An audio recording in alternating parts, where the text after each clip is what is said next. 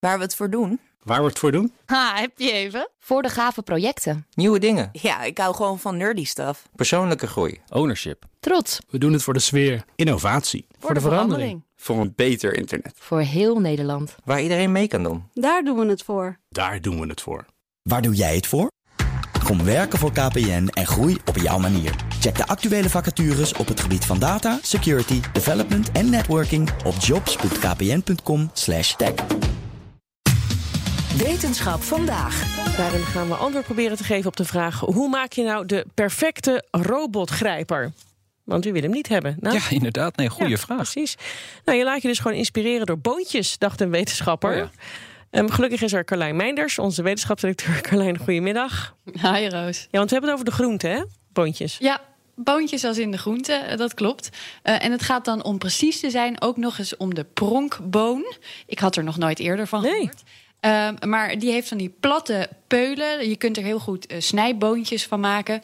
En het is een klimplant. Oké, maar wat heeft een klimplant te maken met robotica?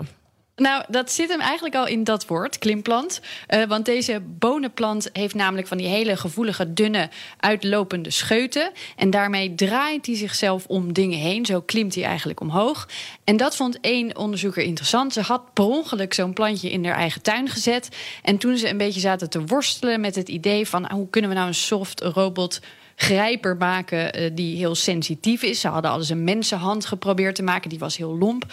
Toen dacht ze ineens aan dat plantje in haar achtertuin. En eh dacht ze, nou, dat, dat moet het gewoon worden. En, en dit nieuwe ontwerp, gebaseerd dus op die boontjes... kan heel stevig, maar toch ook heel voorzichtig... hele delicate voorwerpen vastpakken. Dus hij is vooral geschikt voor dat precisiewerk. Ja, en, en taken die vragen om een zachte hand. Eh, bijvoorbeeld het verplaatsen van kwetsbare producten in de landbouw, bijvoorbeeld iets als bloemetjes en planten. Je kunt ook denken aan de medische sector, eh, chirurgische robot, eh, assistent in het ziekenhuis, het vasthouden van hele kwetsbare onderdeeltjes. Hij kan pennen, kwasten vasthouden en bewegen en ook hele, hele dunne draadjes. En hoe ziet hij er eigenlijk uit? Nou, niet zoals de meeste mensen zich eh, een robotgrijper zullen voorstellen. En dat is eh, soms best lastig voor onderzoeker Mabel Fok van de Universiteit van Georgia. people will ask me, "Hey, can I go look at your cool robot?" I say, uh, "It doesn't look cool because before you actuate it, it just looks like a finger."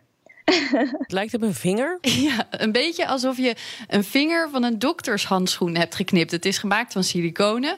Maar als je hem dan vervolgens aanzet, dan vormt hij een spiraal. Als een soort rupsje dat zich om een takje wikkelt. Of dus een boontje. Maar, maar die beweging van dat rupsje dat zich om een takje wikkelt, Ja. hoe, hoe wordt die dan gestuurd? Eh, ze gebruiken hiervoor een luchtpompje. Because inside the finger there's a spiral shape air channel, so it will make the finger go spiral too. So just one single air pump, you will enable the spiral action inside the finger. Oké, dus de vinger wordt een spiraal. Begrijp ik het goed? Ja, ze pompen lucht in een hele buisje binnen in die, in die vinger. Ja. Eh, en, en omdat die, dat buisje daar binnenin gevormd is in de vorm van een spiraal, als je daar lucht in pompt, dan vormt die bewegelijke vinger zich daarnaar, zeg maar. En hoe weet die grijper nou of hij niet te hard grijpt? Daarvoor zit er nog een optische sensor in, een hele dunne fiber. Die wordt beschermd door een verstevigde ruggengraat eigenlijk in het midden van die vinger. En die kan weer verschillende dingen meten. First, it can sense how much does that uh, spiral grabber has turned. So what is the amount of angle it can it already turn around the object. So we can see if it is going to be a good grip or not. And second, we can sense what is the size of a target object. What's the diameter of the target object? So we can sense as small as I think is about one millimeter in diameter, really small object. We can able to sense if we can have successfully hold on to it or not. Zijn ze nou objecten van 1 millimeter? Ja, ja, zelfs zo klein uh, dat lukt ze. En die sensor heeft ook nog eens door als de weerstand van iets bijvoorbeeld niet klopt. Dus als je aan een bloempje zou trekken en hij haakt ergens achter, dat, dat voelt hij dus ook. Zo'n heel klein verschil in die weerstand. Dat, dat klinkt allemaal best wel geavanceerd voor iets wat eruit ziet als een vinger.